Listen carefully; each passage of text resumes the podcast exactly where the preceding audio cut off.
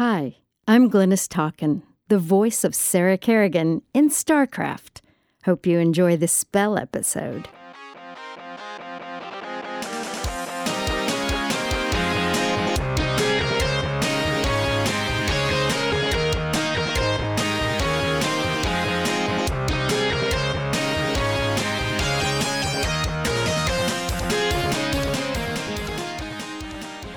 Hallais, og hjertelig velkommen til spill. Mitt navn er Adrian Haugen. Først så vil jeg rette en stor takk til Glynnis, som hadde lyst til å introdusere denne episoden. Og som hun nevnte, så skal vi snakke om Starcraft. Det er et spill som ikke fenga meg helt i starten, og jeg tror det er mange grunner til det. For det første så ble spillet lansert i 1998, som kanskje er kjent som tidenes spillår der det blir lansert veldig mange store titler og bra spill. En annen grunn er at jeg hadde ikke PC sjøl på den tida. Men jeg hadde en kompis som, som heter Jørn, og han eh, hadde Starcraft og spilte det, men vi skjønte ikke helt hvordan det fungerte, så vi la det fort ifra oss. Dette skulle endre seg i påska 2000, når jeg var på besøk hos min kompis Øystein, som jeg nevnte i mange episoder. Han hadde fått tak i Starcraft og brukte litt tid på å vise meg spillet.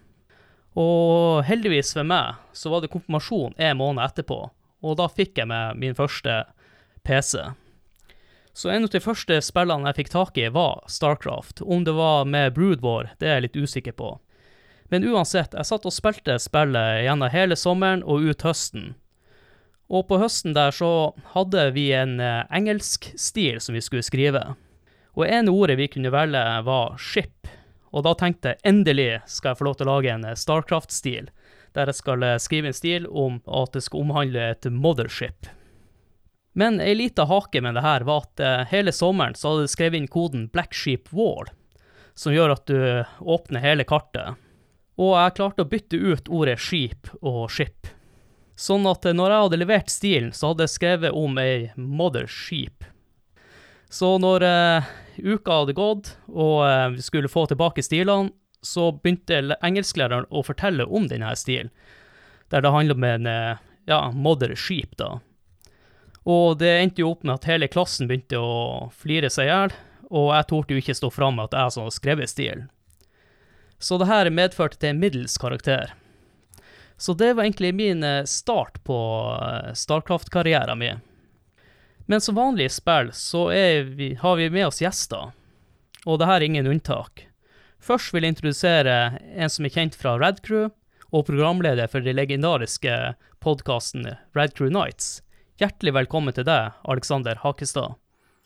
Tusen hjertelig takk, og eh, for en bra intro. Eh, synd at du fikk middelmådige karakterer på det som må ha vært en eh, sinnssyk innsats ja, jeg, jeg, skulle gjerne ha funnet tak i den stilen der, men uh, den er vel død og begrava for lenge siden.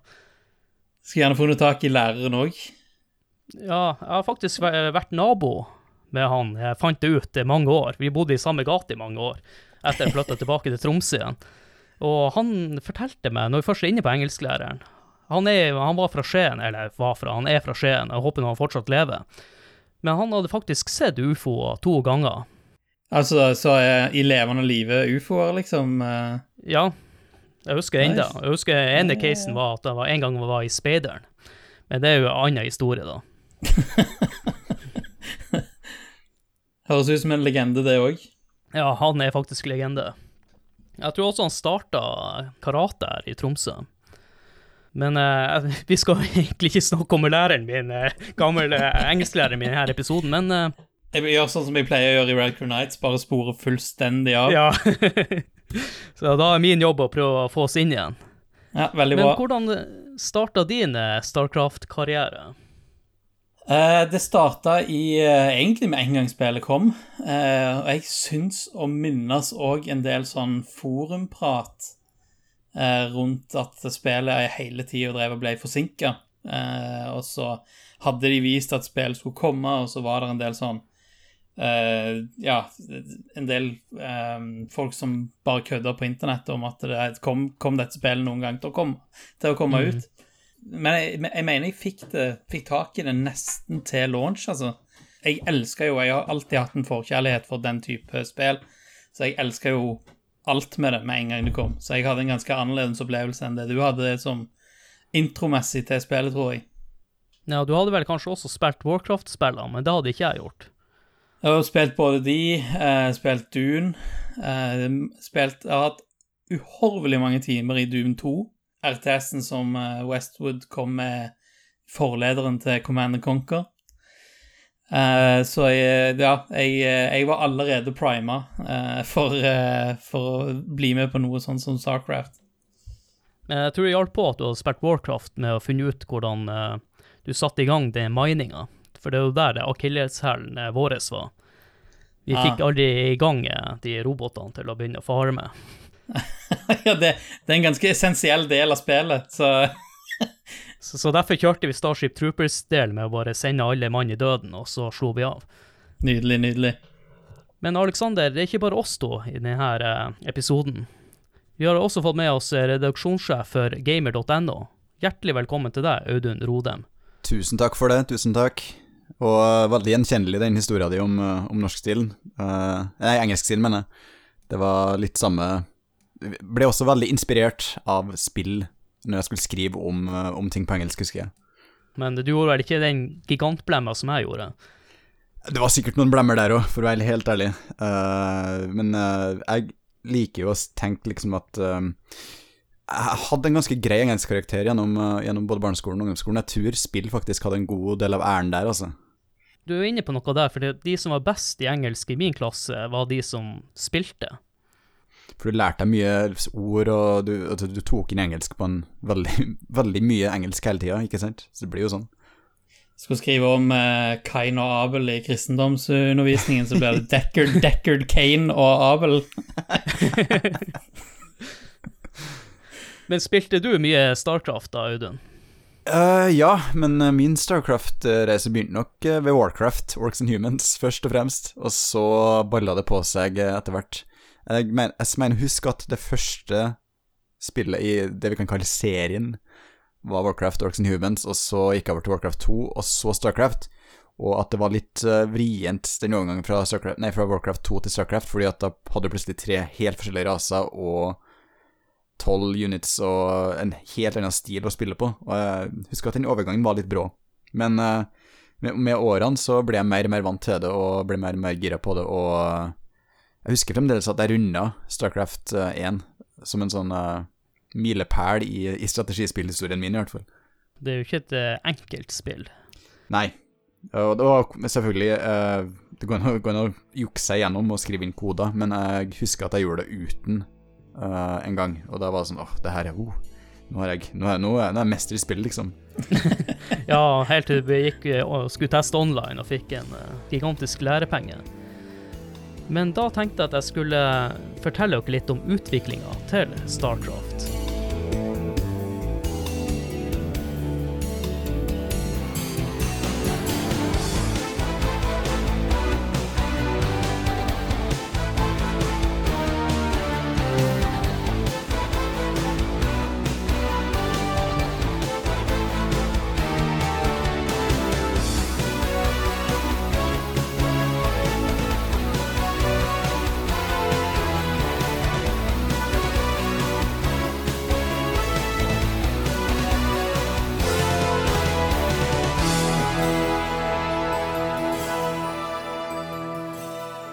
Starcraft var et eh, spillprosjekt som Blizzard Entertainment lenge hadde ønska å lage. Og etter ferdigstillelsen av Warcraft i 1995 kunne de endelig iverksette planene og realisere de her drømmene med å lage sitt første sci-fi-RTS. Blizzard ga oppgaven med å lage konseptet for Starcraft til James Feeney og Chris Metzen. De fikk også ansvar for å lede prosjektgruppa, som besto av hele 25 stykk og de fleste av de her kom fra det kansellerte spillerprosjektet kalt Shadder Nation. Metzen og resten av teamet var jo litt usikre på det her Starcraft-navnet, da de mente at det her ville bli altfor likt Warcraft-navnet. Men eh, de konkluderte med at spillet i seg sjøl ville jo skille seg veldig ut ifra Warcraft-serien, og kanskje ordet Kraft kunne utvikle seg til å bli et merkevarenavn for Blizzard sine fremtidige spill. Det var veldig viktig for dem å komme raskt i gang med dette prosjektet. Grunnen til det var at Blizzard ønska å få klar en demo til neste års E3-messe. Og i perioden frem mot sommeren 1996 så ble spillet utvikla på Tides of Darkness Game Engine. Dette er samme spillmotoren som ble brukt til utviklinga av Warcraft 2. Etter demoframvisninga de hadde på E3-messa i 1996, så fikk de dessverre ikke helt den responsen de hadde sett for seg. De mottok tilbakemeldinger der spillet ble kalt for Warcraft i verdensrommet, og mange mente at spillet allerede virka utdatert. Opprinnelig så hadde jo Blizzard sett for seg å kunne bruke rundt et år på å utvikle spillet, men etter den elendige mottakelsen de hadde fått på E3, så bestemte de seg rett og slett for at Starcraft det skulle bli et fantastisk spill, og de var innstilt på å sette av den tida de trengte for å oppnå det her, fremfor å haste det ut på markedet. En av konsekvensene med dette valget var at utgivelsen av Starcraft ble så forsinka at folk inne på Starcraft sine fanforum endte opp med en fanbase kalt Operation Can't Wait Any Longer. De her hadde en god del interne spøker og delte ideer om hvordan de skulle stjele beta, siden det virka som spillet aldri ville bli sluppet ut. Som en liten hyllest til denne dedikerte fanbasen, så la Blizzard inn en juksekode som tillater deg å bygge enheter mye raskere i spillet. Tilbake til høsten 96 så ble Starcraft satt på hold i flere måneder. Og Grunnen til dette var at de jobba med ferdigstillelse av det første spillet som skulle bli en annen kjent spillserie, nemlig Diablo. De hadde utfordringer med produksjonskapasiteten, og derfor trengte de bistand med å ferdigstille spillet. De aller fleste som hadde jobba med Starcraft-demoen, hadde kommet med klager på Tides of Darkness Game Engine. Og de få som var igjen på Starcraft-prosjektet, valgte å gjøre endringer på denne spillmotoren. En av disse løsningene var å forbedre den med å omkode spillmotoren til C++. Haken med dette valget var at det var et fåtall av personellet som hadde brukt C++ fra før av. Dette medførte jo at de måtte sette av mer tid til bugfiksing. Dette er faktisk hovedgrunnen til at Starcraft krasjer oftere enn sine to forgjengere. Når det kom til artdesignet, så hadde de klare planer for hvordan designet og de tre fraksjonene skulle være. De hadde tydelig ønske om at de tre fraksjonene skulle være svært forskjellige. Zerk skulle være en insektsrase og bevege seg i svermer. Terran skulle være en hardbarka gjeng, litt som de folkene i Aliens 2. Og Protos skulle være en kraftfull rasen som var nøye og balansert, og som ikke lot seg styre av følelser. De første konseptene av Terran-designet var tiltenkt å ha mer realistisk look, i stedet for den mer bulke looken vi kjenner til i dag. Dette ble droppa pga. hardware-begrensninger, og at den bulke looken faktisk så mye bedre ut på skjermen. Starcraft ble sluppet ut 31.3.1998 til både PC og Mac. To år senere så ble spillet sluppet ut til Nintendo 64 av alle ting. Spillet har solgt rundt 9 millioner eksemplarer ved utgangen av 2008, hvor halvparten av de her, 4,5 millioner, ble solgt i Sør-Korea. Starcraft innehar mange Guinness World Records, som Best Selling PC Strategy Game, størst income i profesjonell gaming og størst tilskuermasse for e-sport-event. Chris Metzen har uttalt i ettertid at spillet på et tidspunkt var faktisk tenkt å omhandle Space Vampires. Faktisk jobba Metzen med et annet spill før Starcraft, hvor det spillet faktisk handla om Space Vampires. Da lurer jeg på, er det noe jeg fortalte dere nå som var nytt for dere, eller er det noe dere har lyst til å tilføye? Jeg kan tilføye en kjapp sak eh, rundt For det, jeg må se det liksom i kontekst av tiden. Eh, og du har eh, altså forgjengere som Tides of Darkness og Dune 2, Command Conquer, som kom rundt samme tida. Eh, det skjedde et skift i RTS-er som er mer viktig enn det en skulle tro. Og det var fra perspektiv eh, top down til perspektiv eh, isometrisk, typisk. Um, og, og, det ble sett på som en På den tida, da, i, i, den konteksten, så ble det sett på som noe helt sånn sinnesvakt nytt grafikkmessig. Eh, og som egentlig ut, altså, daterte de eh, forgjengerspillene ganske heftig. Så jeg, det var en sånn tone internt òg om at hvis ikke vi klarte å utvikle et spill som var mer isometrisk, altså i, i, et, i et, perspektiv da, som fremsto mer 3D, eh, så kom vi til å ligge så langt etter òg at, eh, ja, at vi, ble, vi ble ikke ansett som en seriøs utvikler. Hadde det noe med Age of Empires å gjøre? For det kom vel ut året før og hadde vel den isometriske stilen, hvis jeg husker riktig. Det, det kan godt være. Eh, det var, jeg vet det var at akkurat på den tida der så var det i hvert fall et sånt industriskifte, egentlig, der eh, den gamle skolen de hadde bygd top down-spill, eh, og den nye skolen kom inn og gjorde eh, 3D, eller Mm. fake 3D. Eh, Ja. og, og det var liksom en sånn For både kjøpere og spillere av sånne spill, men òg de som utvikla de, så var det en sånn her helt sånn sinnssyk eye-opener. eh, at, at det var mulig. Du Audun, var det noe nytt for deg? Uh, ja, nei, eh, det var var jo veldig grundig gjennomgang, så jeg husker, jeg har hørt den historien om E3 før. Den er ganske kjent. Hvis jeg husker riktig, så var det noen bilder derifra av eh, hvordan det så ut, og det, det ser ut som et helt annet spill. Det Starcraft i Tides of Darkness-motoren på den tida. Det er litt mer eh, I hvert fall det bildet jeg har foran meg her, så er det jo litt mer eh, lilla og røde farger, og den selve HUD-en er helt annerledes Ja, ja. enn det vi virkelig fikk.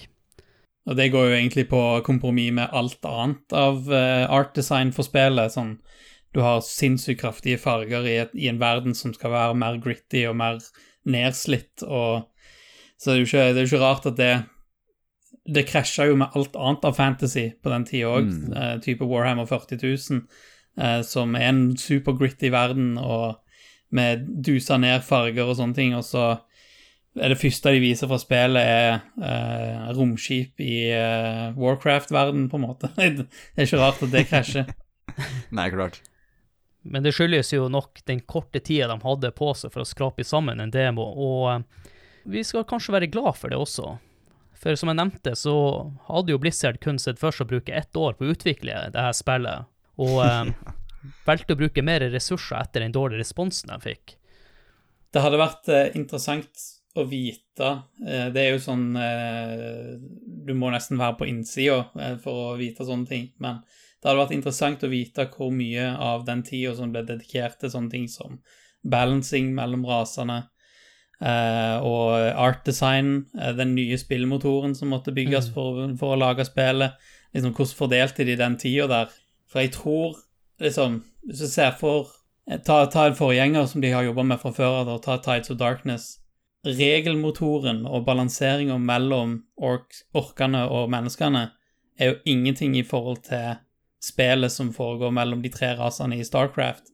Jeg bare ser for meg at balanseringa mellom de tre er sinnesvakt mye mer vanskelig enn uh, en balanseringa mellom de to i Tides of Darkness. Ja, det, det som er fascinerende også, at det det er ikke sånn som nå i dag, at eh, alle spiller betaen i tre år før uh, selve hovedspillet kommer ut. da. Så de hadde truffet på balanseringa før de ga ut spillet.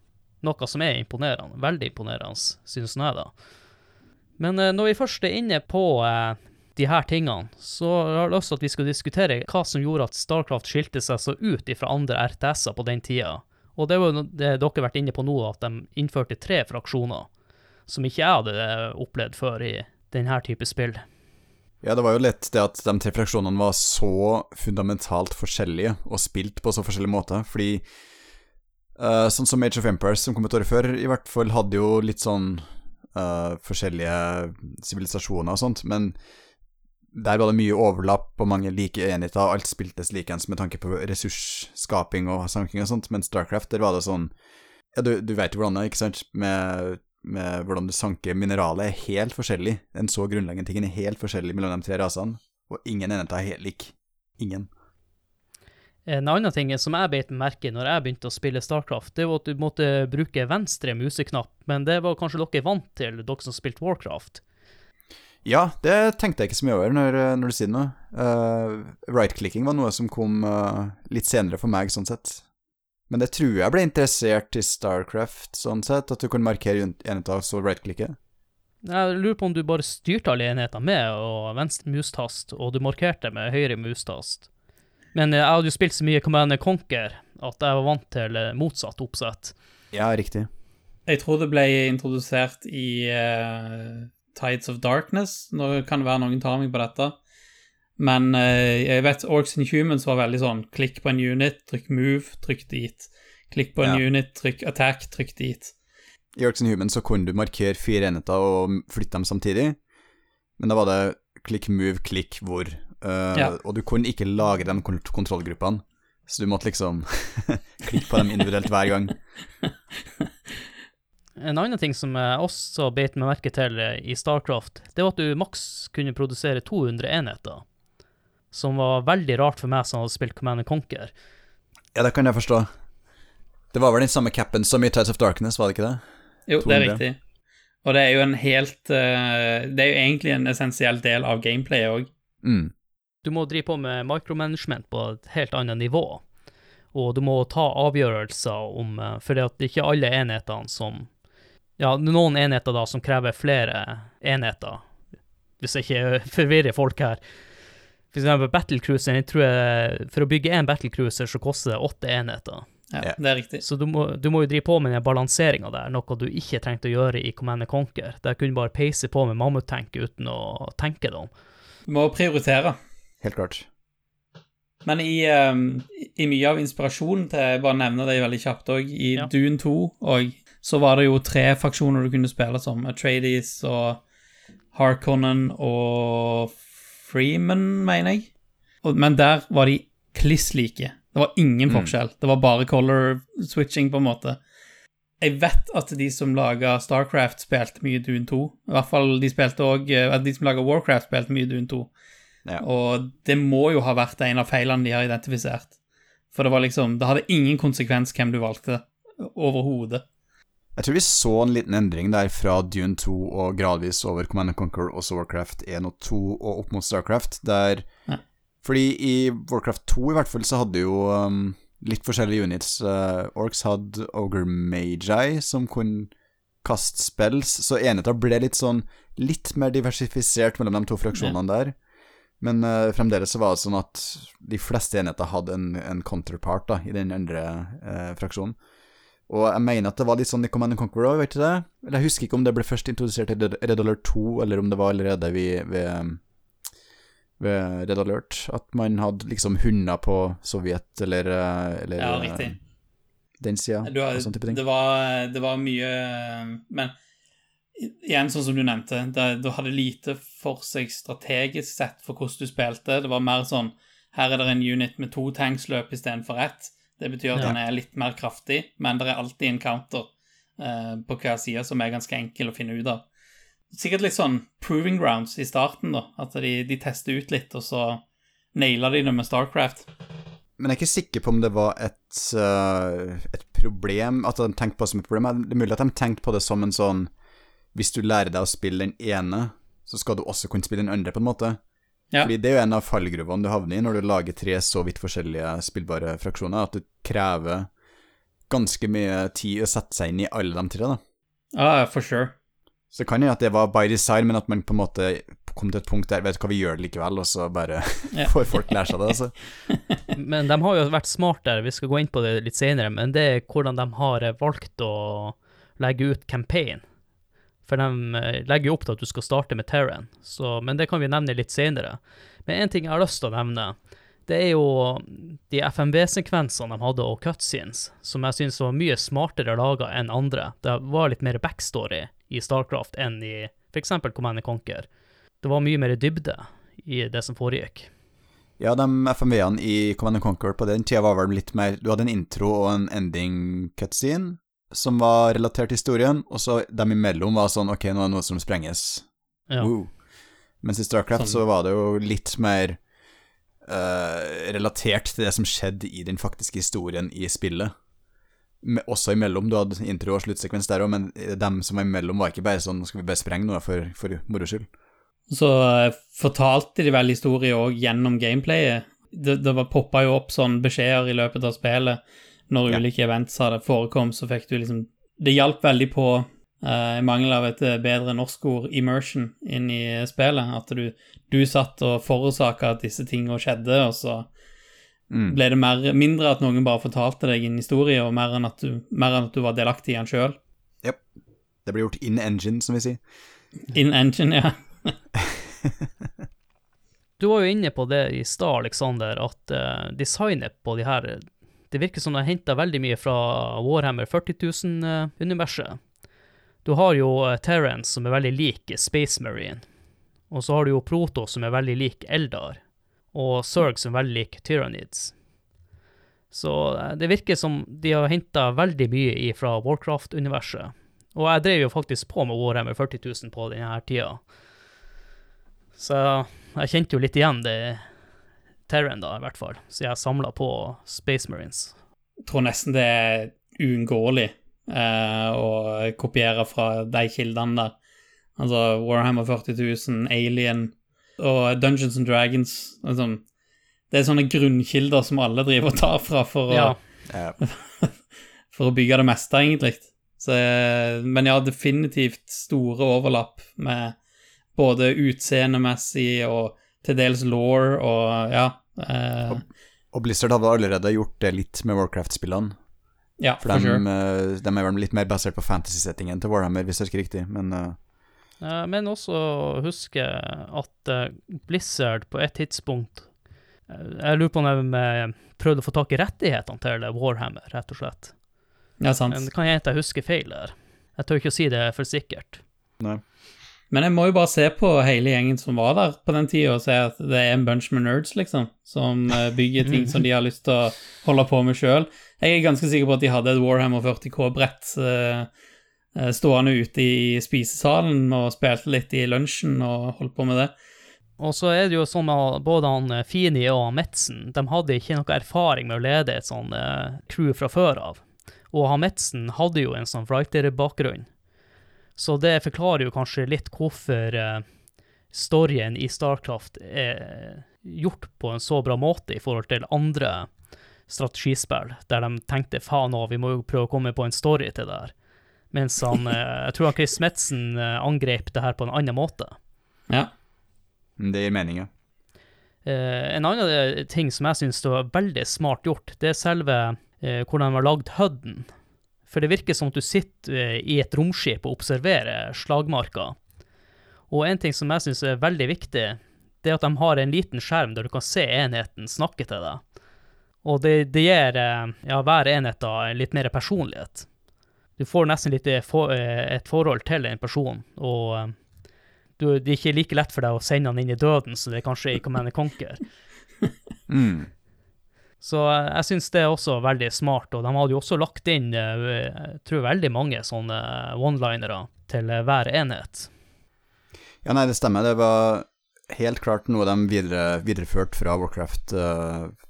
et- stort steg opp fra Warcraft 2 til Starcraft, med animerte sånne profilbilder og, og så mange voice lines. Det ga en veldig sånn sjarm og egenart til de figurene, helt klart. Vi har nevnt nå litt eh, de tre fraksjonene, men jeg tenker vi kan jo gå litt nærmere inn på det, hver enkelt eh, fraksjon, da. Så vi kan jo begynne med Terran. De kan jo egentlig dra en parallell til hva som skjedde i Australia. Der jorda er på randen til overbefolkning, og ser ingen andre utveier enn å få løst eh, det her problemet. Og måten de velger å løse det på, det er å sende en gjeng med dødsdømte fanger fra de overbefolka fengslene deres ut i verdensrommet for å kolonisere nye planeter. Men det som skjer, er at de mister kontakten med jorda etter hvert. Og til slutt så lander de på en planet som er beboelig, veldig heldig der. Og der eh, oppretter de en konføderasjon som skal styre eh, den nye hjemplaneten deres. Så Terran er jo egentlig en gjeng med banditter. Men eh, vi ser at det går jo veldig bra med Australia, da. Eh, Som jeg nevnte også, at eh, Terran er jo kanskje den fraksjonen som er enklest å spille med, og er den eneste fraksjonen som jeg følte jeg mestra. Så det er jo Terran jeg kan best. Så vi kan jo snakke litt om hvordan det er å spille denne eh, fraksjonen, da. Det er et ord som kommer til comes to mind, og det er turtling. Ja. Jeg spilte mest Terran òg. Både multiplayer og singleplayer. eh, Hadde liksom mest tilknytning til den rasen. Og Det er en eh, Jeg vil si det er en defensiv rase der du må velge de beste tidspunktene for å gå til angrep. Eh, Og du må liksom vite når eh, du, må, du må ha nok eh, rundt deg til å kunne forsvare et eventuelt angrep. Eh, og så må du vite når du har nok til å pushe rett etter det angrepet for å vinne til slutt. Eh, og så er det òg veldig viktig for deg å få mest mulig ut av hver enhet. Eh, som, som for eksempel en eh, Altså, det er jo på en måte viktig i de andre rasene òg, men eh, liksom Har du en gruppe med, med Space Marines, eh, så, eller med Marines, så må du passe på dem med en medic, for eksempel.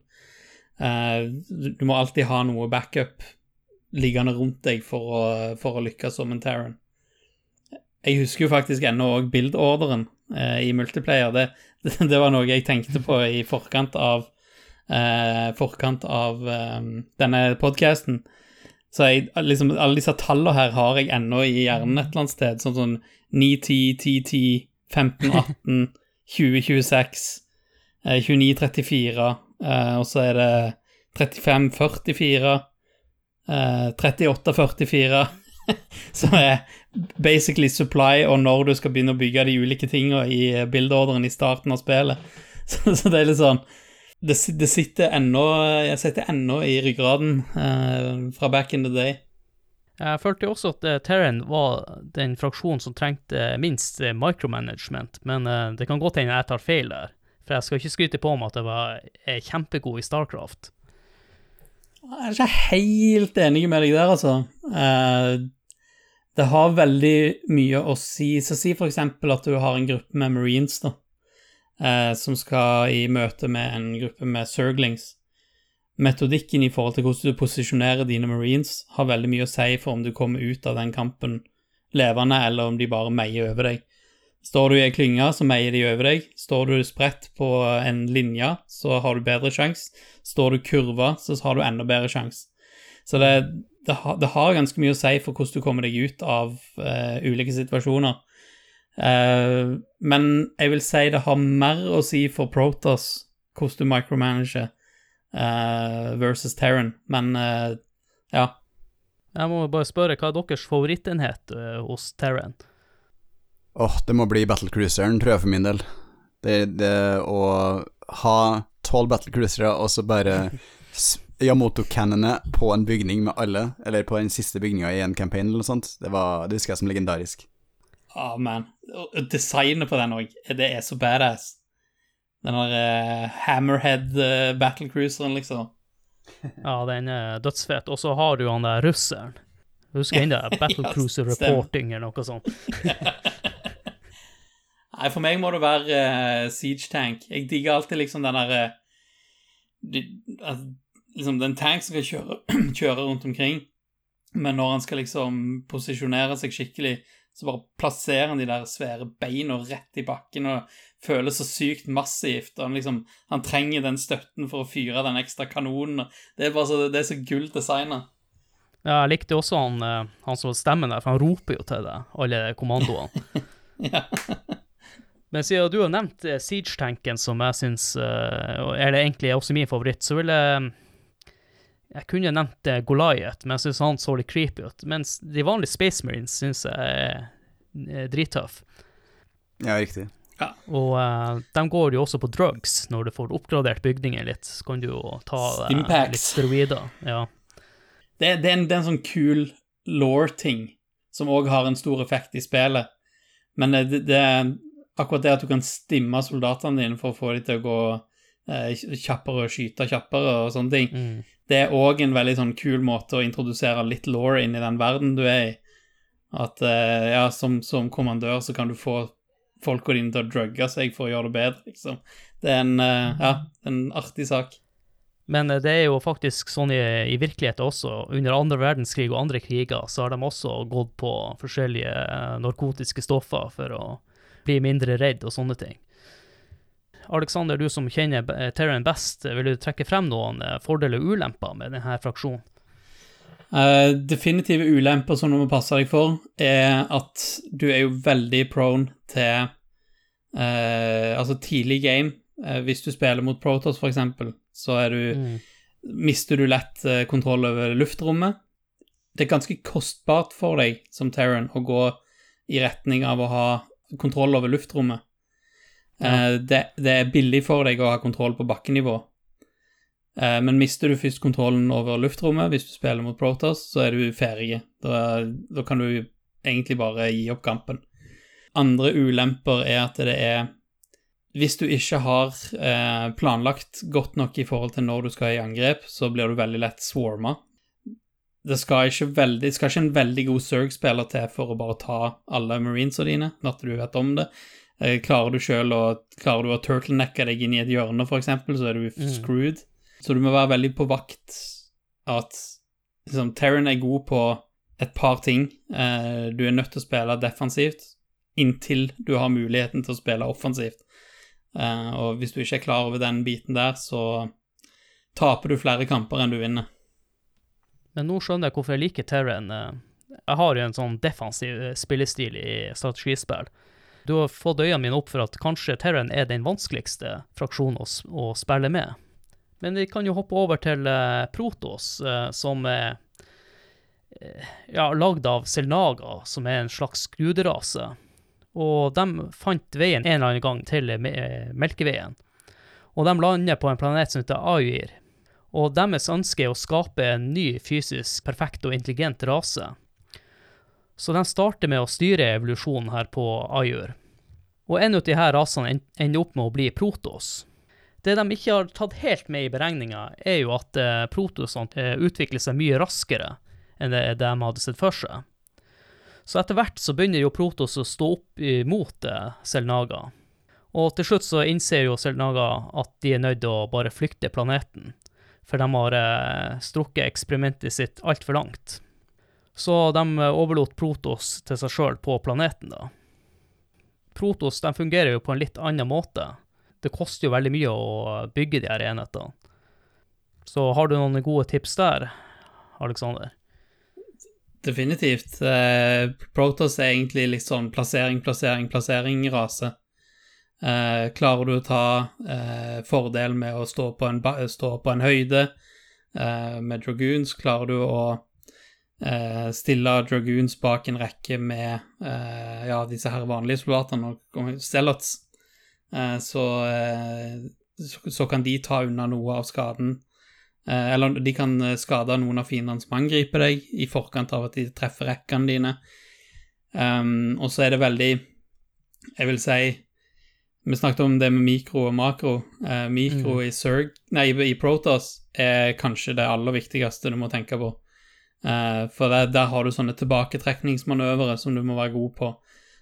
Du kan se for deg at eh, infanteriet ditt, da du, du kan ikke bare sende de rett inn i fiendens hær i en charge. Du er nødt til å være litt mer taktisk i forhold til hvordan du gjør det. Heller lokke de inn til deg, og så ta tilbaketrekningsmanøvre mens du slår de, og, og mens du hitter de med dragoons, helt til du ser at de er skada nok, og så kan du pushe tilbake.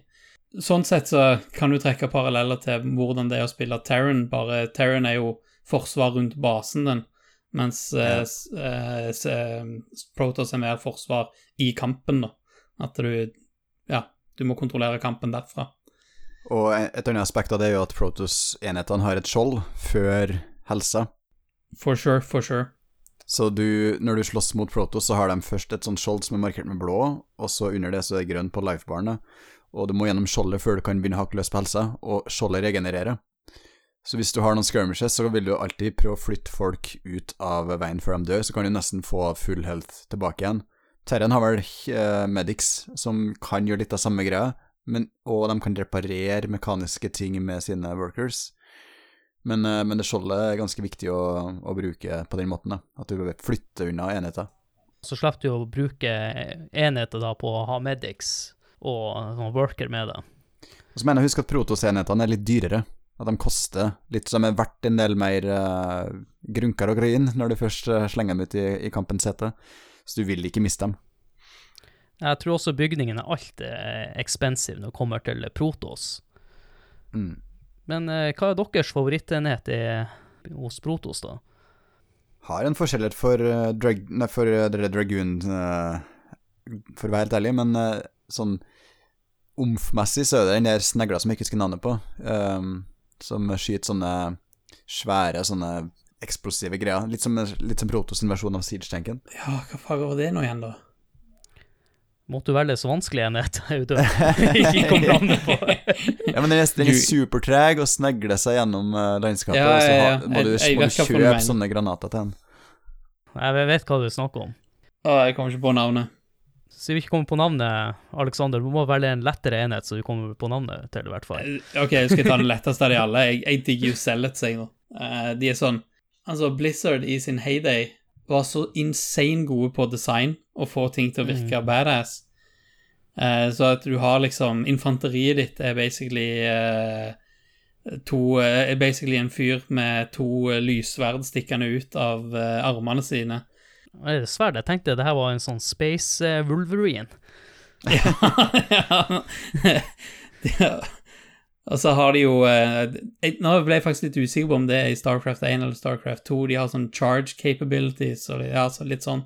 Men eh, ja, jeg, jeg, jeg bare digger designet på dem, og de ser så sykt badass ut. Jeg vil jo trekke frem den uh, Space Carrieren, eller modersauen, så jeg ville kalt det for. Den som skyter ut sånne små droner. Jeg syns det så utrolig kult ut, de små dronene som for frem og tilbake. Og så kunne du kjøpe nye droner, for de ble skutt ned. Ja, kunne det òg. Eller var det i Starcraft 2? da? Nå husker jeg faktisk ikke Ja, om det var sånn igjen eller noe. Nei, jeg tør ikke si eh, for sikkerhet. Jeg spilte jo som sagt mest Terran. Ja. Vi må trekke frem noen fordeler og ulemper. Vi har vel kanskje vært inne på det. Det er mer management og mer skills sånn sett på protosida, at du må, du må håndtere hver enkelt enhet mye mer, sånn som Archons og Dark Templars og Templars. Det er veldig mye mer fikling med, med ferdigheter og småting her og der enn det er med både Terran og Serg, sånn sett. Du må For rett og slett ha full kontroll over enhetene dine Ja. og statusene på dem.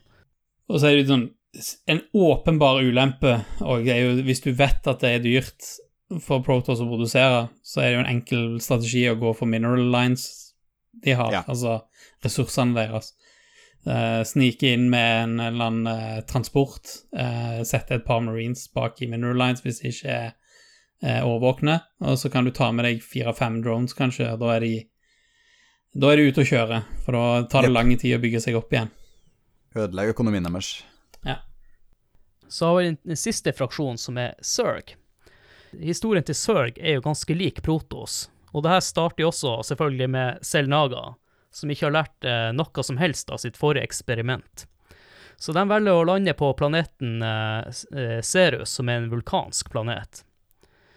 Og her eh, fortsetter med de med eksperimentene sine, men i stedet for å gjøre samme tabben som med Protos, så oppretter de, eller lager de en overmind som skal kontrollere de her eh, insektskapningene.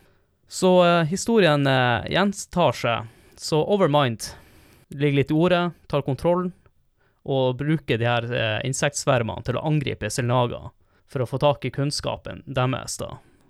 Så da ender jo opp med at de må flykte igjen. Så eh, Zerg er jo litt spesiell. Hvordan er, fungerer dem? Det er altså enkelt forklart eh, Der er det jo billige units, eh, og din fordel er mengden, pretty much. Eh, din fordel er å hitte folk på så mange kanter og med så mye folk, eller med så mye eh, units som overhodet mulig. Eh, men det høres enklere ut enn det det egentlig er, fordi Mm. som sagt, hvis du spiller mot en god Ter Terran-spiller eller en god Protoss-spiller, så har du jo du har mindre ranged attacks, eksempel. Du har Hydralisken som kan ha ranged attacks, men du er nødt til å komme up close med, med folka dine, og du er nødt til å kontre disse ulike bevegelsene, sånn som jeg nevnte bueformen til Terran og, og tilbaketrekningsmanøveren til Protoss. Du er nødt til å være god på å kontre disse, da. Uh, så det høres enklere ut enn det det er, men uh, det er jo basert på svermen. Altså, du skal være en sverm som bare overrumpler motstanderne. Det handler kanskje vel uh, først og fremst om å prøve å produsere fortest mulig enheter, sånn at du kveler fienden. Eller tar jeg helt feil her? Uh, nei, jeg er enig i det. Igjen, altså, det, det som er litt det som, det som jeg husker som er mest sånn striking med Zerg, er jo at du må bygge på creep. Fordi Mm. Segrasen har en sånn et, et lag av organisk materie under der de bygger bygningene sine, og du må bygge enheter på det. Ja, Det glemte vi kanskje å si om Protosod, men der må du bygge innenfor rekkevidden til, til energipylonser. Uh, mens Terran kan bygge hvor de vil. Så Serg må være på denne bakkegrunnlaget for å bygge de fleste bygningene sine, bortsett fra et par, og noen av dem sprer sånn der masse. Så det, det, gjør det litt mer tricky for dem å ekspandere til, til nye deler på kartet. Du måte bare kravle deg bortover til, til neste uh, mineralressurs, eller uh, gas dis, dip, uh, Hva heter det? Gas vulkan. Mm. Du, men til gjengjeld så kan du Så løper du fortere på creep, og enhetene til søg regenereres på creep. Så hvis de kan stå der, så får de igjen helse. Ja, det hadde jeg nesten glemt av, det der, at du får igjen helse med å stå på de, de feltene der. Mm. Men eh, jeg vil jo også spørre her om eh, hva som er deres favorittenhet. Jeg ble faktisk litt tatt på senga, for jeg er litt usikker på om dette var en del av Starcraft 1. Men det er den ultralisken som jeg er en badass, da. Ultralisken er en del av Starcraft 1. Ja, ok, men da er det, da er det. Stor, den. stor elefantaktig ja. Stor elefantgreie med to sinnssyke tenner stikkende ut av, uh, ut av kjeften. yes. Jeg har et uh, svakt uh, Svakt gen for mutalisken, men jeg syns ikke den er så veldig kul. Den er bare veldig handy. Og hva heter det, brood uh, hva, hva heter det når du oppgraderer dem? De krabbeaktige greiene som kan bære skitt på bakken, ikke i lufta. Hva heter de igjen? Jeg husker ikke. Nei, og, og, selvfølgelig, og selvfølgelig, selvfølgelig hydralisker er veldig kule, for de kan brukes til alt. De er liksom veldig versatile. Min favoritt, jeg lurer på om det er fra Brood War, det er Lurker. Så jeg syns de var et helvete å slåss mot. Ja. De som uh, kryper under bakken og Skyter sånne pigger bortover ja. uh, creepen. Ja, stemmer det det er en enhet jeg alltid har uh, slitt med å slåss mot. Men uh, Zerg, jeg må ærlig innrømme at det var dem jeg spilte minst. Faktisk litt usikker på om jeg i det hele tatt har spilt med Zerg. Hmm. Jeg mener jeg har spilt med dem, men ikke mye. Det er vel den eneste sånn balansefighten som har pågått i, uh, i Starcraft-historie, er vel om Zerg er litt overpowered. OK. Altså, beste spilleren uh, i verden spilte vel mer med Taran enn han gjorde med, med, andre raser. Så det har vel vært liksom litt debunket at, uh, at Zerg er bedre sånn balansemessig. Men uh, det er vel kanskje lettere å vinne med dem hvis du spiller med noen som ikke vet hva de holder på med, f.eks. Ja, jeg gjorde litt research før episoden og kom borti noen nettsider og det virka som veldig mange ut av de som var proff da, spiller med Zerg. Ja. Det var i hvert fall sånn en periode. Det husker jeg. Men eh, sånn eh, generelt eh, Ja, vi synes vel at balanseringa mellom alle de her tre fraksjonene funker veldig bra.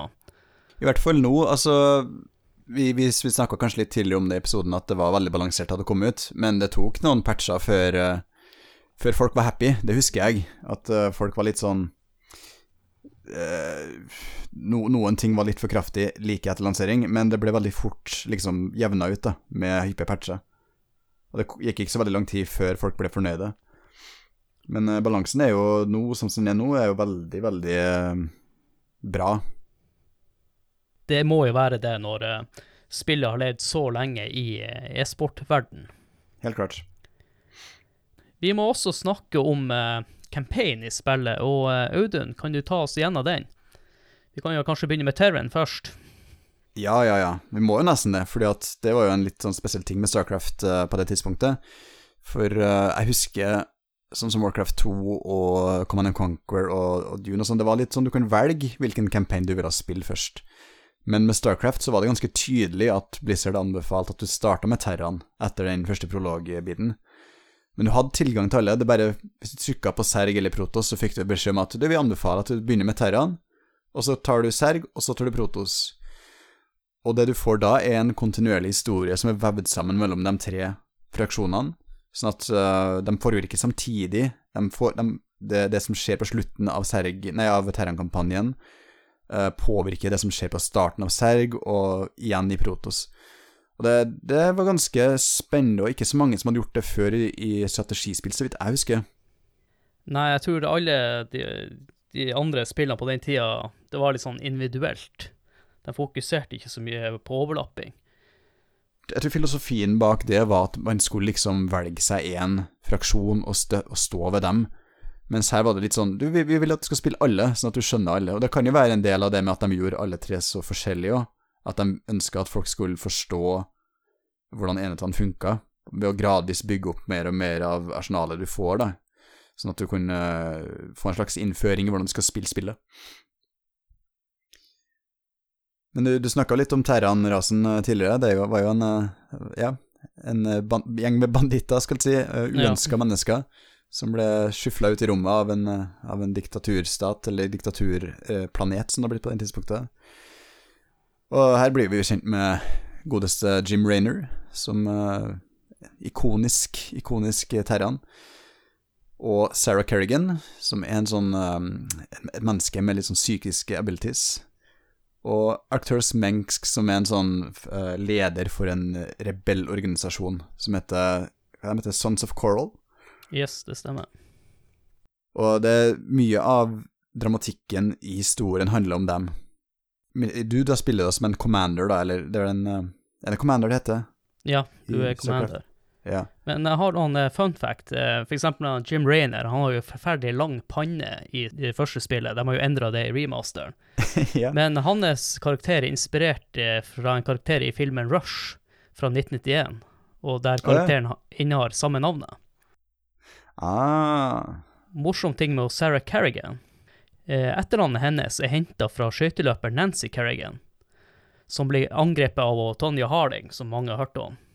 Og dette er egentlig et lite stikk til uh, Command Conquer-gjengen, siden de hadde en lignende karakter kalt Tanja. nice. Og så en annen dude vi, som du ikke nevnte, han Edmund Duke, som er kommandant av Alfa Squadron til Føderasjonen. Det stemmer. For det, det, er jo litt sånn Historien til Terran begynner med at du er på sida til, til Føderasjonen, mm. og så blir du og så blir du en del av denne opposisjonen etter hvert, helt til dem forråder deg, og da er du litt sånn på frifot etter det. Fordi Edmund Duke, Edmund Duke var jo en, en, kommandant fra den føderasjonen som du var under, var det Ja, det stemmer. Men han Menks der, han Du ser jo på at han er en banditt. ja. Og du ender jo opp med å stole på han. Du får rett og slett betale prisen, for han er jo en banditt. Ja, for på et oppdrag eh, sånn litt over halvveis ute i campaign, så er du og altså Som Jim Raynor og Kerrigan er, er på en, et oppdrag der planeten blir oversvømt av serg, og Mensk vil da bare forlate Kerrigan mens du ikke ønsker det, så da oppstår det en konflikt der. Og det, det er jo da, som alle, alle vet, at Kerrigan blir absorbert da, av sergkraften mm. der og blir en del av dem. Så det er mye, mye av konflikten mellom dem går der, da. Ja, og en annen ting som irriterte meg han Jim Rainer er jo med i mange mission. Men han er jo den elendigste enheten til Terran, den motorsykkelen der. Som, alle, ja, ja, som ingen bygger ellers. Så det er jo litt irriterende for at han kjører på den hele tida. Bortsett fra at de, de minene er veldig handy. Den Vulture-enheten kan legges under mina. Men han som en sånn egen spesialenhet er ganske kjedelig, for han har ikke noe spesielt ved seg i hele tatt. Kunne ikke han heller vært en ghost eller noe sånt? Ja, men du har jo Kerrigan som det, vet du. Jeg vet det, men jeg kunne jo begge to vært Ghost. Men jeg har en fun fact. Eh, det er jo en dynamikk der med han Raynor og Kerrigan. Dette var noe som egentlig oppsto underveis under utviklinga. Og den twisten med at Kerrigan blir putta veldig seint i spillet. Det var ikke en plan de hadde til å starte med. Hm, da lurer jeg på hva de tenkte å gjøre med Serg-historien.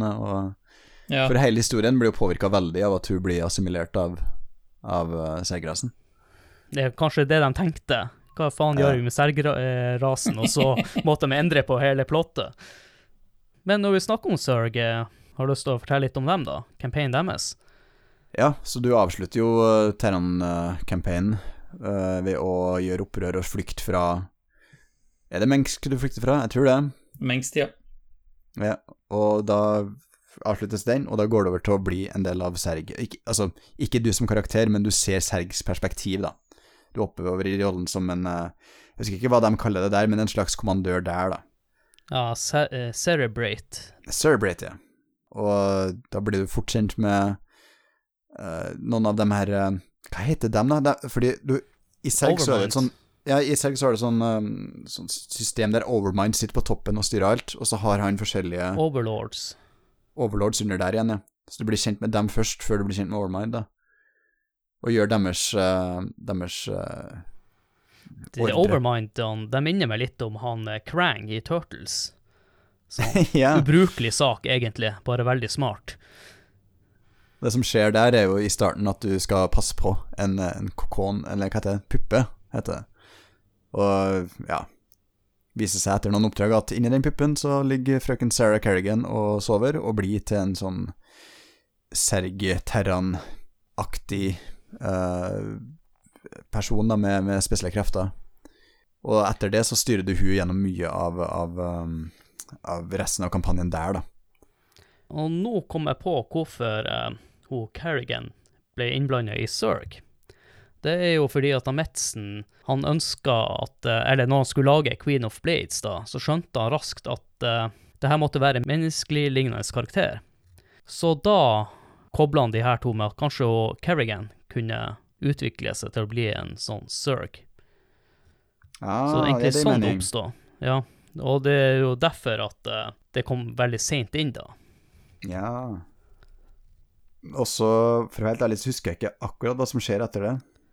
Nei, men det kan jo være opp til lytterne, da, å, å teste det ut og finne det ut av det. Vi trenger ikke å spoile alt i denne episoden, noe må de finne ut av sjøl. Ja. Så vi kan jo like så godt da bare hoppe over til Protos. ja. Her blir vi kjent med en litt sånn mer høyborn gjeng. En uh, litt mer uh, Ja, ikke religiøs, men hva skal vi kalle det? Tradisjonsrik gjeng. Som alvene i eh, Lord of the Rings. Høy på seg sjøl. Ja. Og de, de kommuniserer jo telepatisk og har veldig tydelig sånn avansert sivilisasjon med teknologi. Og her blir du kjent med viktige folk som Tassadar, Mm. som, eh, som merker at noe er feil. Det er jo det som hele campaignen deres handler om, handler om at det er et eller annet som ikke stemmer. Han, han skjønner at det er noe som er på ferde, og prøver å finne ut hva det her er, da. Og senere så blir du kjent med The Dark Templar Zeratul, som er en veldig populær, populær karakter. Som jo er en eh, ja, templar i eksil, da. Det er jo en person som har vært å, å um, forsake den stammekulturen til Protos å være på egen hånd. Uh, og det som viser seg etter hvert her, er jo at de må kjempe mot Serg, som holder på å, å ta over og prøve å, å ta over hele galaksen og assimilere den til å bli Serg. Da. Så det er jo målet deres etter hvert å knuse The Overmind. Jeg Tror heller ikke der skal gå inn og spoile alt. Nei, Men det er de grove trekkene, i hvert fall. Ja, Det kan være greit å vite det når man starter å spille med dem. Mm. Men jeg personlig så liker jeg Terran Campaign mest. For jeg syns de karakterene der er Du husker dem mye bedre enn alle de andre. Jeg syns de protosene er ganske like, alle sammen. Ja. Så ikke alltid like lett å skille de, de karakterene. Altså, historiemessig så er nok Terran uh, lettest å, å koble, på, så, koble seg på sånn, ja, siden resten har sånn forskjellige kommunikasjonssystem, og alt handler litt mer om, om kulturen deres, som er veldig annerledes. Så jeg tror også, hvis du bare hoppa på proto, så tror jeg du ikke hadde klart å engasjere deg like mye i storyen da. Så for dere som ikke har spilt Starcraft før, så anbefaler dere å starte med Terran. Absolutt. Og kanskje også det enkleste måten å lære spillet på, å spille med Terran. Ja, fordi hver kampanjedel blir også gradvis litt, litt og litt vanskeligere. De er ikke Ja. like vanskelige. Protos er vanskeligere enn Serg, som er vanskeligere enn Terran. Men jeg synes de er flinke å, for hvert mission å gi det litt drypp med å lære nye mekanismer og ting du må ta hensyn til. Ja, for det er jo litt av måten de har designa det, er å gi deg gradvis mer og mer tilgang til flere og flere bygninger og en, enhetstyper, da. Sånn at du må lære deg hvordan du skal bruke dem. Og det, på mange måter så er det jo en lang opplæringsdel for hvordan du kan spille det her i multiplayer, egentlig. Men en ting som er viktig, jeg nevnte helt i starten at jeg fikk også Brood War. Og det er ikke lurt å starte med de campaignene, for de er egentlig laga for folk som er, ja, har erfaring innenfor Starcraft. Det er egentlig litt for viderekommende i Starcraft-universet, da. Helt klart. Så start med de vanlige campaignene til originale Starcraft. Men Alexander, det var én ting du nevnte til meg når du skulle være med som gjest. Du ville gjerne snakke om map-editor. Så Oh yes. det skal du få lov til å gjøre nå. Skal vi nerde litt på Map Editor? Fordelen med at de skrev om pretty much hele game engine, var at de, de brukte egentlig tid på å bygge et interface for hvor folk som ikke kunne programmere, kunne lage storylines og ulike kampanjer, pretty much, og òg multiplayer maps i det samme verktøyet, som ble lansert sammen med spillet. Eh, der hadde du muligheten til å lage ganske avanserte greier. Eh, du kunne få Du kunne introdusere egne lydeffekter. Eh, du kunne mm. introdusere egne En helt egen campaign fordi du hadde briefings. Eh, Du kunne designe dine egne briefings. Hvem som skulle dukke opp i disse briefingsene, osv., osv. Så, videre, så du kunne lage deg en helt egen storyline. Men kanskje enda kulere er at i selve map-editoren, når du eh, Når du designer et map, så kunne du òg eh, legge til noe som de kalte for triggere. Og det er typisk sånn if this then that-type regler, at hvis en marine beveger seg inn i dette området, så skal AI player one på brettet skal begynne å angripe den og den basen. Eh, hvis den marine går inn i dette området, så skal de ha en eller annen dialog som foregår. Eh, de skal si et eller annet, og spillet for øvrig skal stoppe. Eh, når du har klart å skaffe deg 50 mineraler, så skal fienden få 500 mineraler.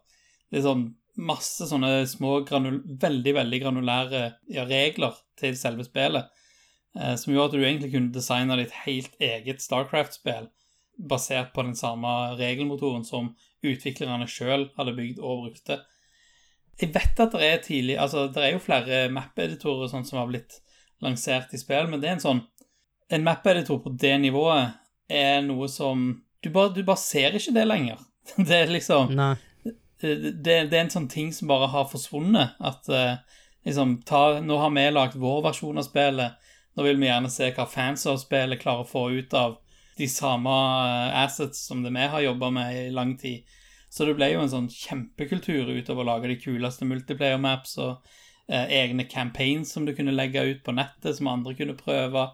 Det var jo dødskult å holde på med. Eh, og så var det òg sjanse for mye trolling i det hele òg, med der eh, meg og, meg og Jostein, altså min bror, kunne spille et map som jeg fullstendig hadde rigga i min fordel på alle mulige måter. Ja. Masse sånn eh, opplegg. Men bare konseptet av at OK, vi har lansert spillet vårt, dette er vår versjon av det. Eh, nå har vi, vi er sykt interessert i å se på hva dere òg får til. Det er en sånn interaksjon som du bare ikke ser lenger. Og det, det var bare et utrolig kult aspekt av spillet. Gjorde du faktisk det? La, laga du et eh, kart der eh, alt var bedre favør til deg enn til Jostein, så Så klart. For du kan styre hvor mange minerals som er i hver mineral patch. Eh, og jeg satte alltid mine mye høyere, sånn at jeg slapp å expande og, og gjøre masse sånne ting. Så jeg hadde bare tid til å bygge masse units, og Jostein bare Ja, du ikke Hvordan har du klart dette? men, men jeg òg brukte mye tid på å lage mine egne stories og liksom få ut kreativitet i liksom OK, hvordan ville jeg tenkt neste steg for Rainer er liksom Er det en eller annen røverkampanje han går på etterpå eh, alt dette i hovedstoryen har gått? Liksom, bare utforske din egen kreativitet når du er såpass unge, med et verktøy som er kanonkraftig. Eh, Det var jo dødsgøy. Det var jo så kraftig at det var jo vel det her de første konturene av det som skulle bli Dota, dukka opp, faktisk, i, um, For sure, for sure. i Starcraft, med, med den map-editoren. Eh, bare sitte og eksperimentere med det og prøve å lage ditt eget kule Starcraft-spill, på en måte. Det er, jo- ganske, ganske sykt konsept at det gikk i det hele tatt. Man får også en eh, mye større respekt for de som lager mappene. For det er ikke så enkelt som man tror. Oh, For no. å finne rette balansen og, og hvordan du vil at uh, dynamikken i kampene skal foregå. Men nå er vi jo, begynner vi å snakke litt mer om multiplayeren, så vi kan jo rett og slett bare hoppe over til multiplayer-delen. Var det noen til dere som uh, testa det her online? Absolutt. Både online og på uh, ulike LAN-parties rundt omkring. Uh, online tenderte jo mot at du ble knust, da, uh, i, i, på, på, alle mulige måter. Eh, selv om eh, på et tidspunkt så skal jeg kunne skryte på meg at jeg klarte å hevde meg i, i mange setninger. Jeg skjønner jo i starten, Alexander, når du for og ga bror din lite ressurser, du var overpowered, og så skal du på LAN og tenke at du skal klare det samme der. ja. Nei, det, det, var ikke helt uh, Altså, du måtte trene opp skillsene dine litt, og det er jo derfor jeg òg sitter med disse her uh, bildordrene i hodet ennå, og sånt, og at ja. du sitter med det i, i, både i fingrene og, og i ryggmargen. er at sånn Ja, du, du, måtte rett og slett trene, du måtte rett og slett drille, og jeg tror på det tidspunktet jeg begynte å spille Starcraft, så hadde jeg ikke jeg hadde ikke samme iveren etter å bli god som jeg hadde i, uh, i Starcraft. men samtidig så var det òg liksom Du skjønner òg og, spillet gir deg veldig mye feedback i forhold til, i forhold til mestringsfølelse.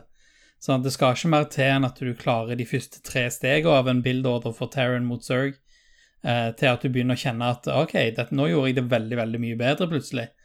Eh, nå, hadde jeg, nå, hadde jeg, plutselig kontroll på den første gangen Zerg angrep meg. Eh, kanskje, ja, kanskje, jeg skal drille inn resten av stegene som jeg skal ta, og, og teste ut det, og så bare fager jeg begynner å vinne kamper, liksom. Eh, mm. Så får du en konstant sånn feedback på at du blir bedre og bedre og bedre, og så blir fingrene dine kjappere, og du blir mer nøyaktig når du klikker, og så har du en litt sånn Ja, det, det, det tar jo litt tid å bli god, men jeg føler du får mye glede på veien òg, da.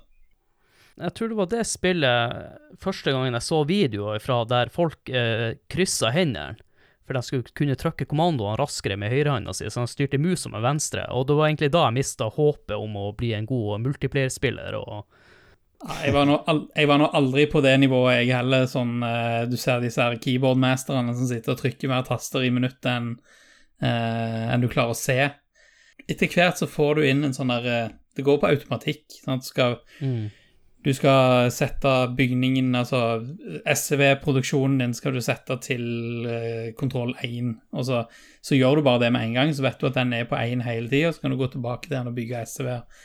Og så har du liksom den, den med automatikken bare kommer som en del av treninga etter hvert som du lærer deg ting.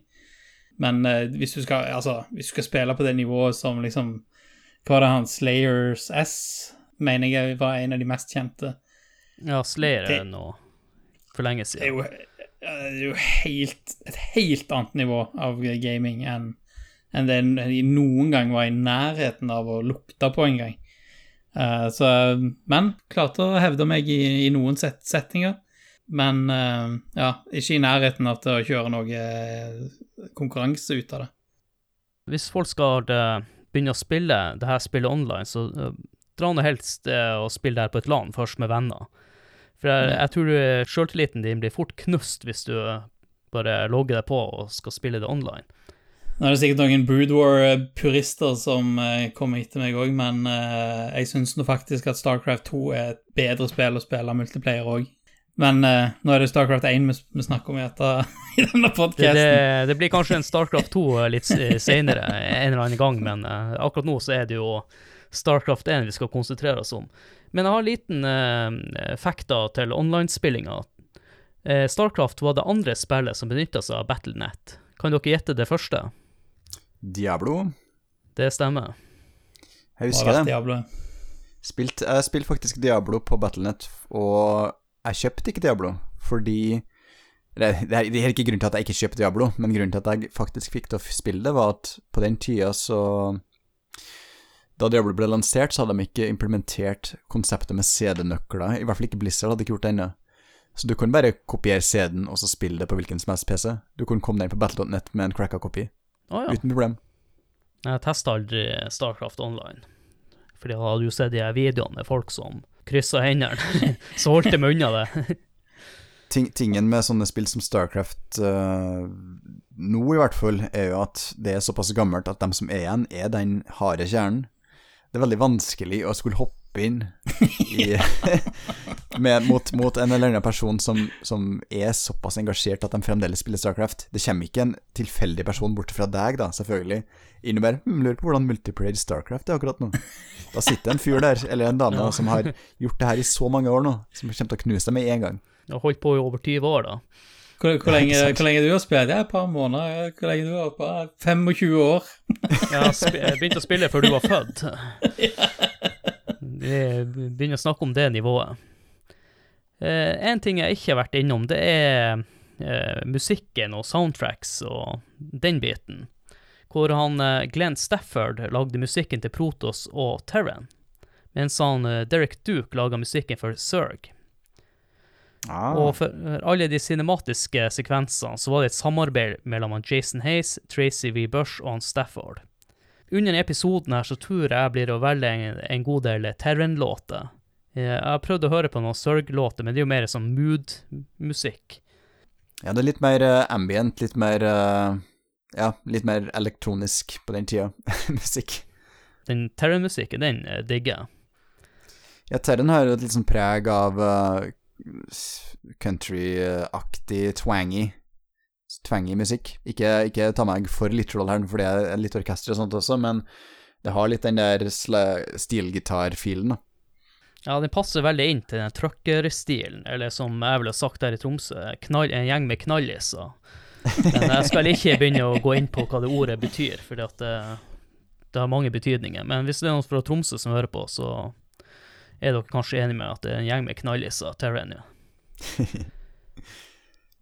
En ting jeg også ville trekke frem, eh, som vi snakket om litt før, det er jo voice-actinga, som jeg også synes var på et mye høyere nivå enn eksempel Command Conquer, der de brukte folk som var med i staben og lagde spillet.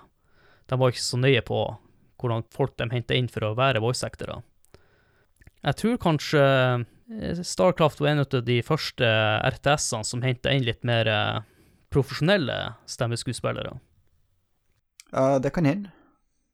Hvis det ikke var veldig mye interne i studio da, som gjorde det. Det var det som ofte var, skjedde på den tida, men jeg husker ikke. Men, men det, det, det er i hvert fall gjort vel, voice direction i, i Starcraft er veldig bra. De som har uh, satt sammen de stemmene og hvilke stemmer som til, skal til hvilket og sånn, de har gjort noe veldig bra der. Jeg er ganske imponert over eh, stemmeskuespillet, Mm. med tanke på eh, når til spillet kom ut, og hvordan andre spill, eller voice-actinga til andre spill var på den tida, sånn som Resident Evil, som er kjent for å ikke ha verdens beste voice-acting på den tida. Ja. Nei, de holder på å finne ut av det ennå. Det er sant, det. Ja. det er jo strengt tatt nødvendig òg i et sånt type spill som dette, med du har eh, sånn Ta Command and Conquer, som hadde reelle skuespillere, altså, hvis du kan kalle dem det, da. altså, de, de hadde i hvert fall folk du kunne se på, eh, som gjorde eh, jobben, og det, er mye lettere å knytte seg til det enn en hvis du har en animert karakter som hadde hatt en Altså, du, du må gjøre mye mer med stemmen da for å få det relatable. Men eh, Starcraft de eh, lånte jo også sitater fra filmer. Det var ikke bare Duknuken på den tida. Så du har jo det dropskipet til Terran. Hun sier jo We're in the pipe five by five. Og det er jo yep. henta fra Alien. Faktisk fra Aliens, Ja, Aliens. Ja, stemmer. når, når vi skal være eh, korrekte med det. Ja, det er bra du passer på, men jeg, Ja, jeg, jeg sa feil. Jeg skulle si Aliens og ikke Alien. ja, Det er vel ikke noe dropship i Aliens. så Og i Aliens så er Jo, det jo, med Alien. Faen, er S-en og kommer på feile plasser. Da skal jeg fortelle dere litt om bakgrunnshistorien til hvorfor Starcraft ble så stort i, i Asia, og nærmere Sør-Korea. For i 1997 så ble Asia ramma av en liten finanskrise, som bl.a. Sør-Korea ble ramma av. Dette medførte jo at en god del mista jobbene sine, og de måtte lete etter nye veier for å tjene penger. Eh, noe som var en stor ting på denne tida, var internettkafeer. Så det her medførte at mange valgte å investere i de internettkafeene og starte opp egne internettkafeer.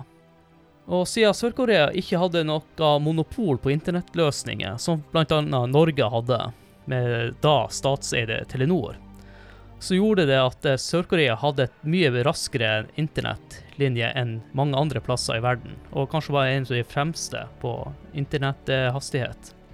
Det som også er interessant, at Sør-Korea hadde banna japansk media, og det her inkluderte også spill fra perioden 1945 til år 2000. Så derfor, når det kom til spill, så ble jo mye av- de her spillene importert fra Vesten. Og på dette tidspunktet så begynte jo også internettkafébransjen å bli så stor at de begynte å innføre template på sine maskiner. Og en ut av de her spillene som skulle installeres fast på alle maskinene, var Starcraft. Siden det hadde gjort det veldig bra etter release og var veldig populært andre plasser i verden. Og det her gjorde jo at spillet ble så ekstremt populært i landet at TV-selskapene fikk øynene opp for det her spillet. Så på det eh, mest populære så var det hele tre TV-selskaper som sendte live Starcraft-kamper. Og må også nevnes at Starcraft 2 ble lansert i 2007, og det ble eh, først eh, vist i Sør-Korea på et arrangement der. Så det var en liten, kort oppsummering om hvorfor Starcraft er så populært i Sør-Korea. Mye, mye der jeg ikke visste. Å ja, gjorde du ikke det? Nei. Det Men det er alltid interessant hvordan liksom, sosiale faktorer påvirker media folk konsumerer, men òg populariteten av, eh, av medien. Mm. Eh, Vi har jo nevnt en eh, veldig kjent eh, spiller, som er Slayer. Men vi har også en annen som heter Snute, men han er vel kanskje mer eh, kjent for spillet Starcraft 2. Stemmer det. Jeg husker faktisk ikke om Snute spilte spilt vanlig Starcraft eller ikke. Nei, jeg, jeg, tror han er litt yngre enn oss, så det kan godt hende at han gikk rett til Starcraft. eh, Jeg tror det, altså. Det kom vel ut i 2010, hvis jeg ikke tar helt feil. Eller- Yes, Wings of Liberty kom ut i 2010, ja. Det er jeg ganske sikker på stemmer. Ja. Det må, det må være 2010, eller sent 2009. Nei, 2010. Så jeg tror mange ut av den yngre generasjonen har hoppa rett på Starcraft 2. jeg. Ja, det gir mening. Jeg tror han eh, Snute er bra mange år yngre enn oss. Vi kan jo si hvorfor vi vet om Slayer, da, for vi har jo ikke nevnt hvorfor han er et navn som, eh, som alle oss kjenner til. Og det er jo fordi at NRK laga jo en, en dokumentar der de fulgte Slayer fra rommet hjemme hos foreldrene sine og til en stor turnering i Jeg mener det var i Sør-Korea. Ja, Der han eh, endte opp med Spoiler for dokumentaren. Han endte opp med å vinne. Ja, det var det. Det var det siste vi hørte fra Slayer. Men det gjør jo dokumentaren enda bedre, at han faktisk vant også. Det har vært Ja, litt ja. kjedelig å ha fått en sånn kjip uh, 29.-plass. Da hadde det ikke eh, vært like morsomt å se den dokumentaren da. Han var stor i Starcraft 2 òg, han. Og jeg vant det. Ja, men han hadde en sånn der Det er litt sånn kult, for det blant de nye spillerne så hadde han litt sånn legendestatus. Ja. At eh, de, de bare i utgangspunktet, det å spille mot han, var nervepirrende. Jeg tror den dokumentaren er tilgjengelig på YouTube. Jeg tror ikke NRK har den eh, på webplayeren sin. Men den er veldig fascinerende å se, for du Altså, ikke bare, det, ikke bare minst det å se CRT-skjermen igjen. Sånne svære, klumpete skjermer som man spilte på det. Det er ganske fascinerende. Jeg vet ikke om dere har tilgang til det bildet jeg ser på, men det er i hvert fall eh, et bilde av basklaget basketlaget Spurs, som jeg ikke husker fornavnet på i farta. De satt faktisk og spilte Starcraft på flyet. Forklarer jo litt hvor populært det var på den tida. Ja. Eh, Jeg nevnte jo innledningsvis at jeg også hadde Brood War, som er utvikla i samarbeid med Sapphire. Og vi har jo egentlig vært eh, en god del inne på det, men det kom i hvert fall eh, ny musikk, nye maps og ekstra enheter for alle rasene, Og nye kampanjedeler til alle tre. som var dritvanskelige. Jeg hadde ikke kjangs på campaign. Nei, de må takke opp. Men det er faktisk denne eh, utgaven av spillet som er mest brukt i e-sport-events i Sør-Korea. Yep. Eller det var det helt til Starcraft 2 tok over. Men det er også kommet to andre DLC-er rett etter, men jeg tror ikke de ble laga av eh, Blizzard og ble heller ikke så godt mottatt. Men jeg husker ikke hva de heter i farta. Uh, ja, det var vel kun Ja, det var sånn som Blizzard gjorde det med et par andre ting òg. Jeg tror de gjorde det med Diablo òg. Slapp en, en, en slags ekstra del som heter Hellfire eller noe sånt. Jo, riktig. De, de outsourca til, til andre selskaper, litt sånn som da, men Broodwar var de litt mer involvert i. Men de DLC-ene var vel litt uh, Litt mer frisluppet fra hele greia. Ja, så han kjørte ikke stramme Nintendo-linja der. Nei, nei. Men eh, hvis folk skal spille Starcraft eh, nå i dag, så vil vi jo kanskje anbefale remake, eller remasteren, som kom ut 14.8.2017. Og er dere enige der? Definitivt. Absolutt. Jeg vil jo tro at det fins folk der ute som uh, sverger til den gamle versjonen av uh, Sikkert noen små, småtekniske ting her og her, men hvis du skal spille gjennom kampanjedelen og, og vil ha en moderne opplevelse som funker, så selvfølgelig. Det er den beste versjonen for alt sånt bruk, med mindre du skal være skikkelig på uh, petimeterskalaen. Og han godeste Jim Rainer, han har jo fått litt lavere panne, så han har jo Gjort han litt vakrere i remasteren, vil jeg si. Justice for Rainer.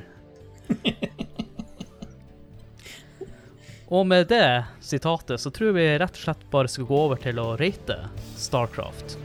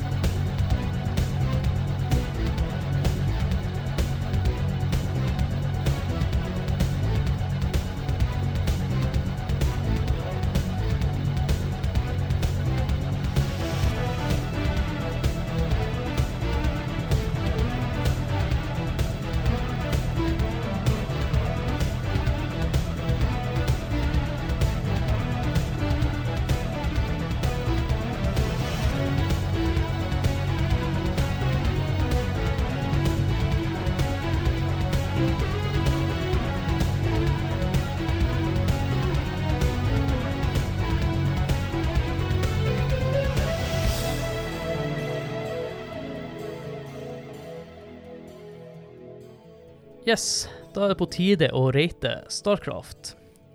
Og vi bruker Nintendo-magasinet sine kriterier og karakterskala. Og vi bedømmer spillet etter de her fem punktene. Grafikk, lyd, spillkontroll, underholdning og holdbarhet. Og skalaen er fra 1 til 10. Og vi kan begynne med grafikk. Hva vil du gi der, eh, Aleksander? Jeg vil si Uh, må, jo, må, jo, selvfølgelig se det i kontekst av tida. Uh, ja, det må du. Og i, og i kontekst av tida så var det ganske mindblowing for meg å se all artworken som var gjort, og hvordan den artworken var implementert. Uh, dog så var det andre spill som hadde bedre Altså ren grafikk.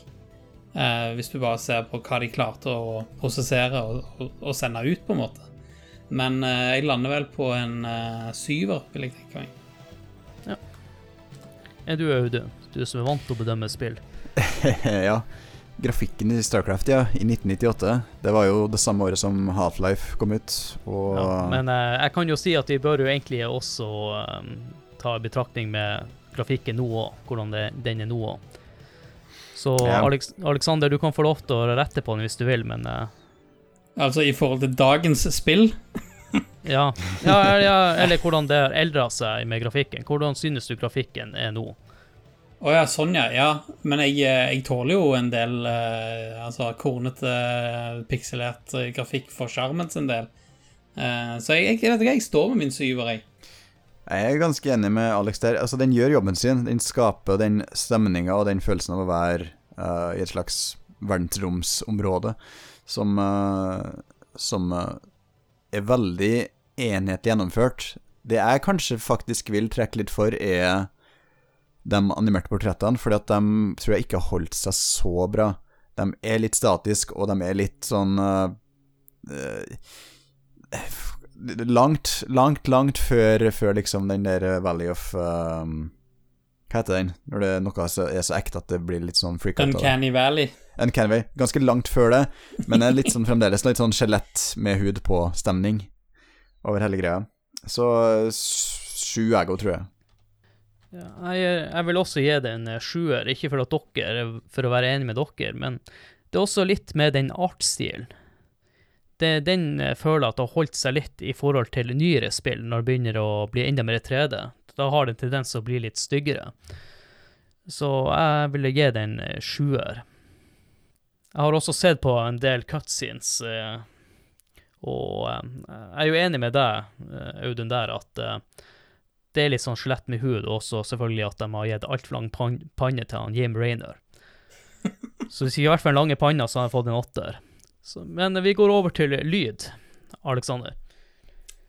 Eh, Lyd eh, selger jo det spillet her. Våpenlyden høres konge ut. eh, liksom ulike space eh, romskipeffekter. Eh, Zerg sin lyddesign, som er creepy AF. Eh, vet du, altså, lyd, Da klinker jeg det på en nier, jeg. Nier, såpass. Enn du, Audun? Jeg er ganske enig med Alex her. Eh, det at de har lagt så mye arbeid i å gi de forskjellige fraksjonene så forskjellig, ikke bare visuell stil, men også lydmessig stil, uh, gjør at det her er noe som stikker seg ganske bra ut. Uh, og som du var inne på litt tidligere i kveld, var voice-actinga var kjempebra, i hvert fall på det, det tidspunktet. Uh, så jeg er også enig i nieren, altså. Er det. Jeg kunne ha gitt en nier, jeg også, men jeg føler at eh, soundtrackene til Protos og Zerk er litt sånn Det er ikke like mye minneverdig for min del.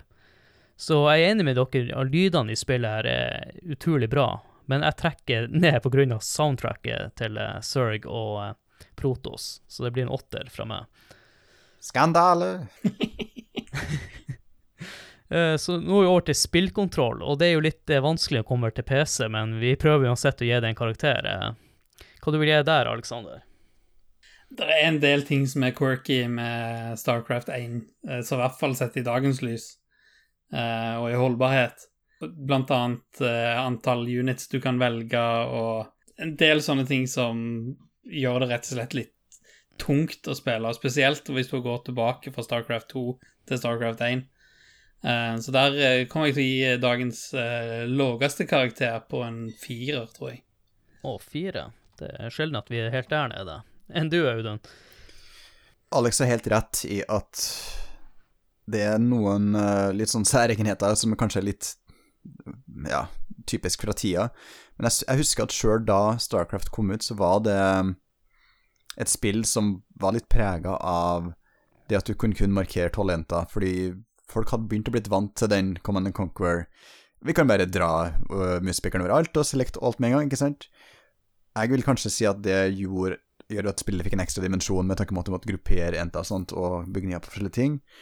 Men i tillegg til det så var pathinga til den kunstige intelligensen, eller pathinga generelt, da, hvis du markerte enheter og trykka et sted, så var den ganske tricky, altså. Det gjorde mye rart, og var ikke ganske, ganske, ganske bra, men jeg tror de sleit litt med å implementere det i det isometriske stilen helt perfekt. Så det er noen sånne små ting der du uh, droner og, og sånt blir stuck på terrenget, og du er ikke helt sikker på hvorfor.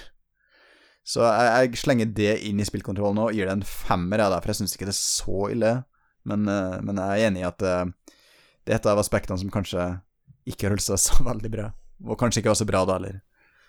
Nei, nå har dere jo nevnt mange ting som har eh, fortrengt.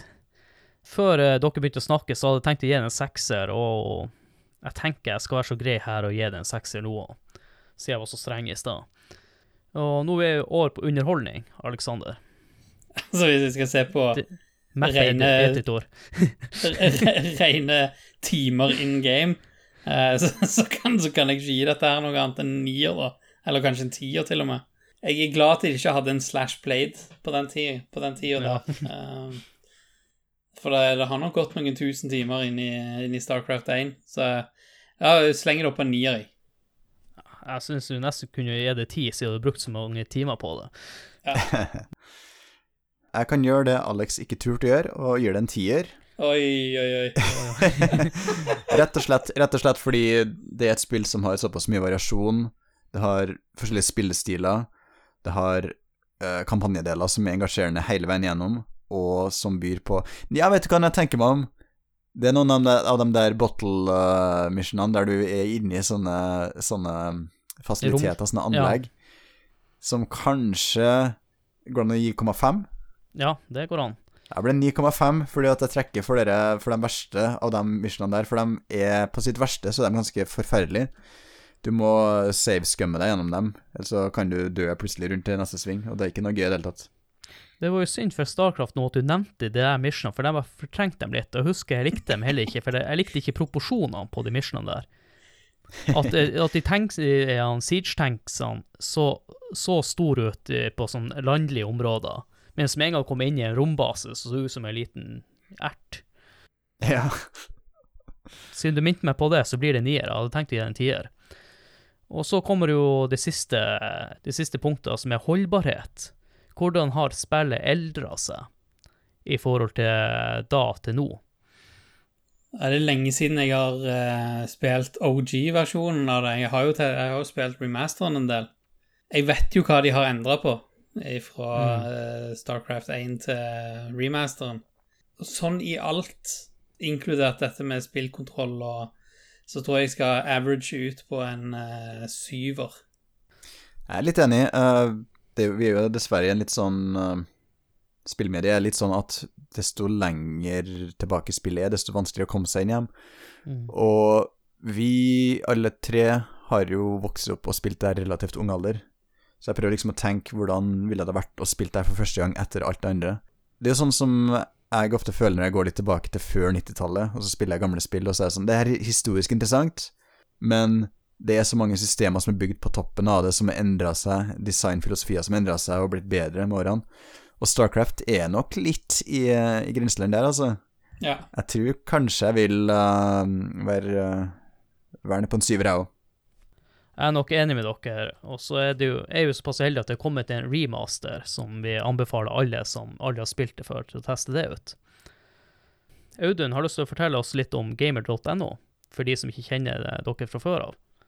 Ja, nei, jeg er jo redaksjonssjef i game.no, uh, og vi er en nettside som uh, feirer 20 år i år. Oh, 20 ja, år uh, på. Takk for det, takk for det.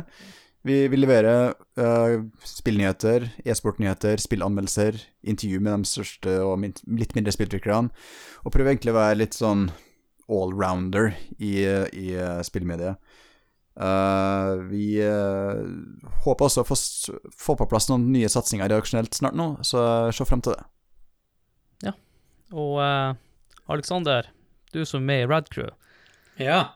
Jeg vil gjerne si eh, følgende, at eh, hvis du har interesser som krysser eh, spill og andre sesong av TV-serien Baywatch Nights, eh, så er Radcrew Crew plassen for deg å være. Eh, vi har holdt på i eh, ikke, fullt, ikke like lenge som eh, gamer.no, men vi har nå med elleve år strong og produserer roughly syv timer i uka med podkast eh, og annet innhold. Jeg har òg nå begynt med liveshow på nye Eldorado e-sport. Så hvis du har lyst til å sjekke ut underholdende podcaster om spill, så kom gjerne til Radcrew. Og hvis du har lyst til å betale bitte litt, så slenger vi på eh, denne her godeste Baywatch Nights-spinnen på på Radcrew gjennom showet Radcrew Nights. Og på Rad Crew så dere snakker litt mer om det som er dagsaktuelt innenfor gaming og spill. Så eh, gjerne sjekk ut eh, Rad Crew hvis dere har lyst til å høre om de nyeste tingene. Vi i spill tar jo og snakker litt mer om det som har skjedd. Men av og til så glemte vi også til med å snakke om eh, noe som er dagsaktuelt. Og måten å støtte spill på er rett og slett å tipse venner og bekjente om podkasten. Gjerne join vår Discord-server og Facebook-gruppa vår som heter Spill Community. Og til slutt sjekk ut eh, Facebook-sida vår på spill. Det er der vi legger ut episodene våre først. Og med det så vil jeg si tusen takk til deg, Aleksander, for at du ville stille opp som gjest. Bare hyggelig. Det har vært kanon. Ja, Det har vært kjempetrivelig å ha deg her. Og tusen takk til deg, Audun, for at du også har lyst til å stille opp som gjest. Jo, tusen takk for at jeg fikk være med, det har vært veldig hyggelig. Ja, det var artig å bli kjent med to nye som vi ikke hadde med fra før av. Og med det så vil jeg bare si tusen takk for at du hørte på spill, og da gjenstår det bare for meg å si ha det! Ha det! Ha det!